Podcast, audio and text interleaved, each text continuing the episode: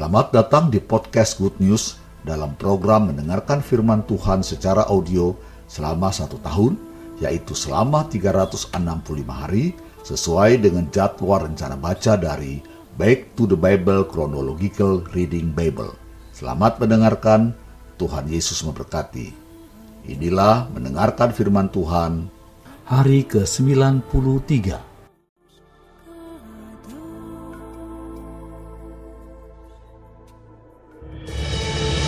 Hakim-Hakim pasal 10 ayat 1 sampai 2.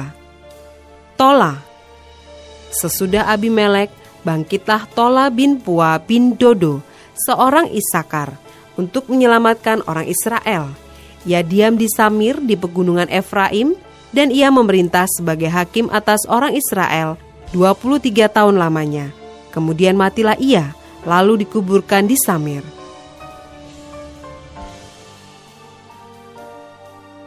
Ayat 3 sampai 5. Yair.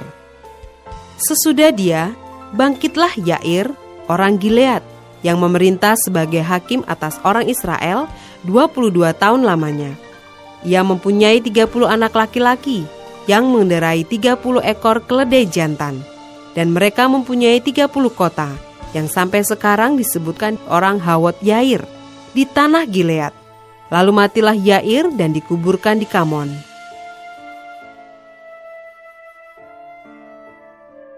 Ayat 6 sampai 18.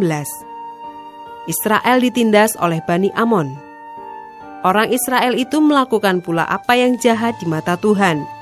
Mereka beribadah kepada para Baal dan para Asitoret, kepada para Allah orang Aram, para Allah orang Sidon, para Allah orang Moab, para Allah Bani Amon, dan para Allah orang Filistin. Tetapi Tuhan ditinggalkan mereka dan kepada dia mereka tidak beribadah. Lalu bangkitlah murka Tuhan terhadap orang Israel, dan ia menyerahkan mereka ke dalam tangan orang Filistin dan Bani Amon. Dalam tahun itu juga, orang Israel ditindas dan diinjak mereka. 18 tahun lamanya mereka memperlakukan demikian semua orang Israel yang di seberang sungai Yordan, di tanah orang Amori yang di Gilead. Dan Bani Amon pun menyeberangi sungai Yordan untuk berperang melawan suku Yehuda, suku Benyamin, dan keturunan Efraim, sehingga orang Israel sangat terdesak. Lalu berserulah orang Israel kepada Tuhan. Katanya, kami telah berbuat dosa terhadap engkau, sebab kami telah meninggalkan Allah kami lalu beribadah kepada para Baal. Tetapi firman Tuhan kepada orang Israel, Bukankah aku yang telah menyelamatkan kamu dari tangan orang Mesir, orang Amori, Bani Amon, orang Filistin, orang Sidon, suku Amalek, dan suku Maon yang menindas kamu ketika kamu berseru kepadaku? Tetapi kamu telah meninggalkan aku dan beribadah kepada Allah lain, sebab itu aku tidak akan menyelamatkan kamu lagi. Pergi sajalah berseru kepada para Allah yang telah kamu pilih itu, biar merekalah yang menyelamatkan kamu pada waktu kamu terdesak. Kata orang Israel kepada Tuhan, kami telah berbuat dosa, lakukanlah kepada kami segala yang baik di matamu hanya tolonglah kiranya kami sekarang ini. Dan mereka menjauhkan para Allah asing dari tengah-tengah mereka. Lalu mereka beribadah kepada Tuhan. Maka Tuhan tidak dapat lagi menahan hatinya melihat kesukaran mereka. Kemudian Bani Amon dikerahkan dan berkemah di Gilead, sedang orang Israel berkumpul dan berkemah di Mispa. Maka para pemimpin bangsa di Gilead berkata seorang kepada yang lain, Siapakah orang yang berani memulai peperangan melawan Bani Amon itu? Dialah yang harus menjadi kepala atas seluruh penduduk Gilead. Hakim-hakim pasal 11 ayat 1 sampai 11. Yefta dan Gilead. Adapun Yefta orang Gilead itu adalah seorang pahlawan yang gagah perkasa, tetapi ia anak seorang perempuan sundal. Ayah Yefta ialah Gilead juga istri Gilead melahirkan anak-anak lelaki baginya. Setelah besar anak-anak istrinya ini, maka mereka mengusir Yefta. Katanya kepadanya, Engkau tidak mendapat milik pusaka dalam keluarga kami, sebab engkau anak dari perempuan lain.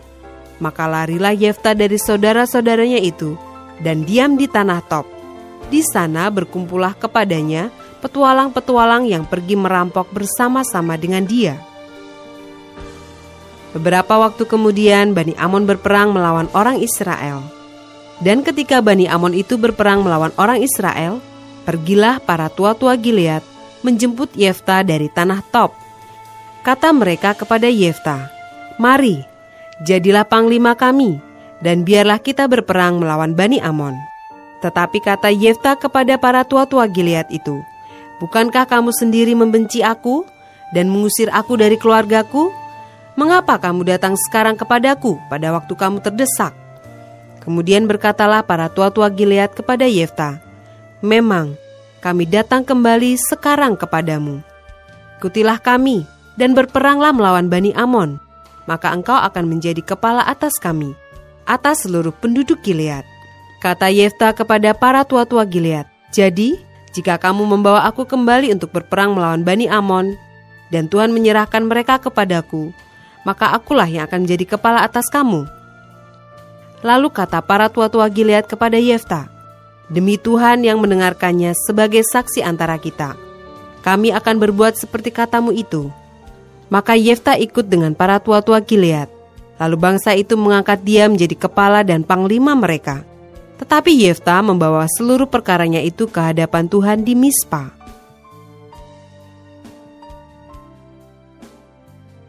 Ayat 12 sampai 28. Yefta dan Bani Amon. Kemudian Yefta mengirim utusan kepada Raja Bani Amon dengan pesan, Apakah urusanmu dengan aku sehingga engkau mendatangi aku untuk memerangi negeriku?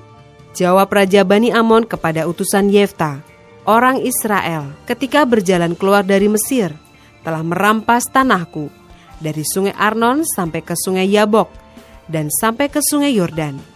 Maka sekarang kembalikanlah semuanya itu dengan jalan damai. Lalu Yefta mengirim pula utusan kepada Raja Bani Amon dengan pesan, Beginilah kata Yefta, orang Israel tidak merampas tanah orang Moab atau tanah Bani Amon. Sebab ketika berjalan keluar dari Mesir, orang Israel melalui padang gurun sampai ke Laut Teberau dan tiba di Kades. Ketika itu orang Israel mengirim utusan kepada Raja Negeri Edom dengan permintaan, Izinkanlah kiranya kami berjalan melalui negerimu ini. Tetapi Raja Negeri Edom tidak mau mendengar. Mereka mengirim juga utusan kepada Raja Negeri Moab, tetapi Raja ini menolak. Maka orang Israel tinggal di Kades. Kemudian mereka berjalan melalui padang gurun, menempuh jalan keliling tanah Edom dan tanah Moab, lalu sampai ke sebelah timur tanah Moab. Maka berkemahlah mereka di seberang sungai Arnon, dengan tidak masuk daerah Moab. Sebab sungai Arnon itulah batas daerah Moab. Lalu orang Israel mengirim utusan kepada Sihon, raja orang Amori, raja di Hesibon, dan orang Israel meminta kepadanya, Izinkanlah kiranya kami berjalan melalui negerimu ini sampai ke tempat yang kami tuju tetapi Sihon tidak percaya kepada orang Israel yang hendak berjalan melalui daerahnya itu. Maka dikumpulkannyalah seluruh rakyatnya. Ia berkemah di Yahas, lalu berperang melawan orang Israel. Tetapi Tuhan Allah Israel menyerahkan Sihon dengan seluruh rakyatnya ke dalam tangan orang Israel, dan mereka dikalahkan. Sehingga orang Israel menduduki seluruh negeri kepunyaan orang Amori penduduk negeri itu. Demikianlah dimiliki orang Israel seluruh daerah orang Amori itu, dari sungai Arnon sampai ke sungai Yabok, dan dari padang gurun sampai ke sungai Yordan. Maka sekarang Tuhan Allah Israel telah merebut milik orang Amori bagi Israel umatnya. Apakah engkau hendak memiliki pula tanah mereka itu? Bukankah engkau akan memiliki apa yang diberi oleh Kamos Allahmu? Demikianlah kami memiliki segala yang direbut bagi kami oleh Tuhan Allah kami lagi pula, apakah engkau lebih baik daripada Balak bin Zippor Raja Moab? Pernahkah ia menuntut hak kepada orang Israel? Atau pernahkah ia berperang melawan mereka? Ketika orang Israel diam di Hesibon dengan segala anak kotanya, di Arwer dengan segala anak kotanya, dan di segala kota sepanjang kedua tepi sungai Arnon selama 300 tahun. Mengapa pada waktu itu engkau tidak melepaskan kota-kota itu? Jadi aku tidak bersalah terhadap engkau, tetapi engkau berbuat jahat terhadap aku dengan berperang melawan aku. Tuhan, hakim itu, dialah yang menjadi hakim pada hari ini antara orang Israel dan Bani Amon. Tetapi Raja Bani Amon tidak mendengarkan perkataan yang disampaikan kepadanya oleh utusan-utusan Yefta. Ayat 29 sampai 40. Nazar Yefta. Lalu roh Tuhan menghinggapi Yefta. Ia berjalan melalui daerah Gilead dan daerah Manasye, kemudian melalui Mispa di Gilead, dan dari Mispa di Gilead ia berjalan terus ke daerah Bani Amon. Lalu bernasarlah Yefta kepada Tuhan katanya, Jika engkau sungguh-sungguh menyerahkan Bani Amon itu ke dalam tanganku, maka apa yang keluar dari pintu rumahku untuk menemui aku pada waktu aku kembali dengan selamat dari Bani Amon, itu akan menjadi kepunyaan Tuhan, dan aku akan mempersembahkannya sebagai korban bakaran. Kemudian Yefta berjalan terus untuk berperang melawan Bani Amon, dan Tuhan menyerahkan mereka ke dalam tangannya. Ia menimbulkan kekalahan yang amat besar di antara mereka, mulai dari Aroer sampai dekat Minit, 20 kota banyaknya, dan sampai ke Abel Keramim, sehingga Bani Amon itu ditundukkan di depan orang Israel. Ketika Yefta pulang ke Mispa ke rumahnya, tampaklah anaknya perempuan keluar menyongsong dia dengan memukul rebana serta menari-nari. Dialah anaknya yang tunggal. Selain dari dia tidak ada anaknya laki-laki atau perempuan.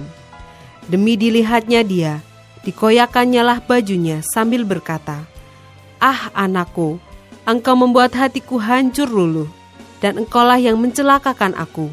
Aku telah membuka mulutku bernazar kepada Tuhan, dan tidak dapat aku mundur.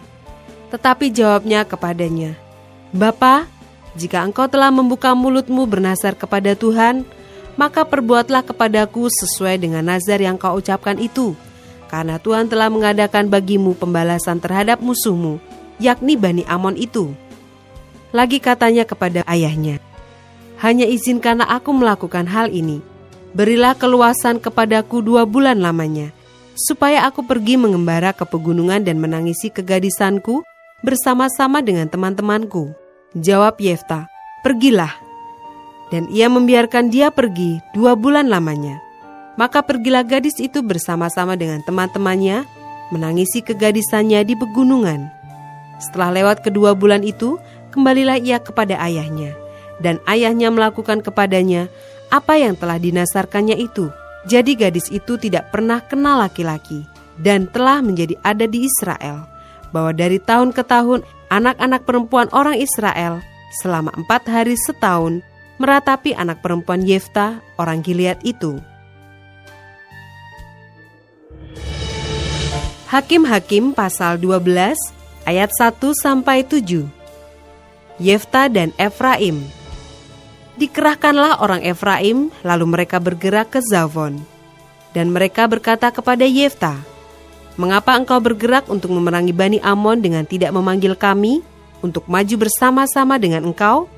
Sebab itu kami akan membakar rumahmu bersama-sama kamu. Tetapi jawab Yefta kepada mereka, Aku dan rakyatku telah terlibat dalam peperangan yang hebat dengan Bani Amon. Lalu aku memanggil kamu tetapi kamu tidak datang menyelamatkan aku dari tangan mereka. Ketika aku lihat bahwa tidak ada yang datang menyelamatkan aku, maka aku mempertaruhkan nyawaku dan aku pergi melawan Bani Amon itu. Dan Tuhan menyerahkan mereka ke dalam tanganku. Mengapa pada hari ini kamu mendatangi aku untuk berperang melawan aku? Kemudian Yefta mengumpulkan semua orang Gilead. Lalu mereka berperang melawan suku Efraim. Dan orang-orang Gilead mengalahkan suku Efraim itu Sebab orang-orang itu mengatakan, Kamulah orang-orang yang telah lari dari suku Efraim. Kaum Gilead itu ada di tengah-tengah suku Efraim dan suku Manasye. Untuk menghadapi suku Efraim itu, maka orang Gilead menduduki tempat-tempat penyeberangan sungai Yordan. Apabila dari suku Efraim ada yang lari dan berkata, Biarkanlah aku menyeberang, maka orang Gilead berkata kepadanya, Orang Efraimkah engkau? Dan jika ia menjawab, Bukan, maka mereka berkata kepadanya, Coba katakan dahulu, Shibolet. Jika ia berkata, Sibolet, jadi tidak dapat mengucapkannya dengan tepat, maka mereka menangkap dia dan menyembelihnya dekat tempat-tempat penyeberangan sungai Yordan itu. Pada waktu itu, tewaslah dari suku Efraim 42 ribu orang. Yefta memerintah sebagai hakim atas orang Israel enam tahun lamanya. Kemudian matilah Yefta orang Gilead itu lalu dikuburkan di sebuah kota di daerah Gilead.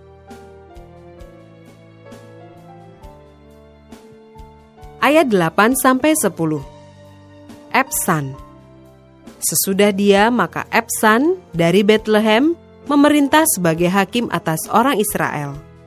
Ia mempunyai 30 anak laki-laki.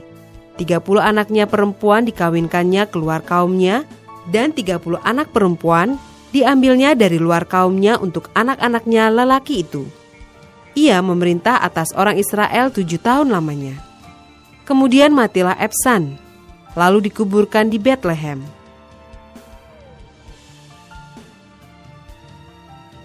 Ayat 11 sampai 12. Elon. Sesudah dia, maka Elon orang Zebulon memerintah sebagai hakim atas orang Israel. Ia memerintah atas orang Israel 10 tahun lamanya. Kemudian matilah Elon, orang Zebulon itu, lalu dikuburkan di Ayalon, di tanah Zebulon.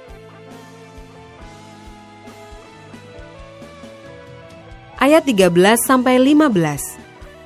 Abdon Sesudah dia, maka Abdon bin Hilel, orang Piraton, memerintah sebagai hakim atas orang Israel. Ia mempunyai 40 anak laki-laki dan 30 cucu laki-laki yang mengendarai 70 ekor keledai jantan.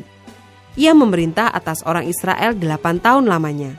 Kemudian matilah Abdon bin Hilel, orang Piraton itu, lalu dikuburkan di Piraton di tanah Efraim, di pegunungan orang Amalek. Selamat, saudara sudah mendengarkan firman Tuhan hari ini. Sampai jumpa esok.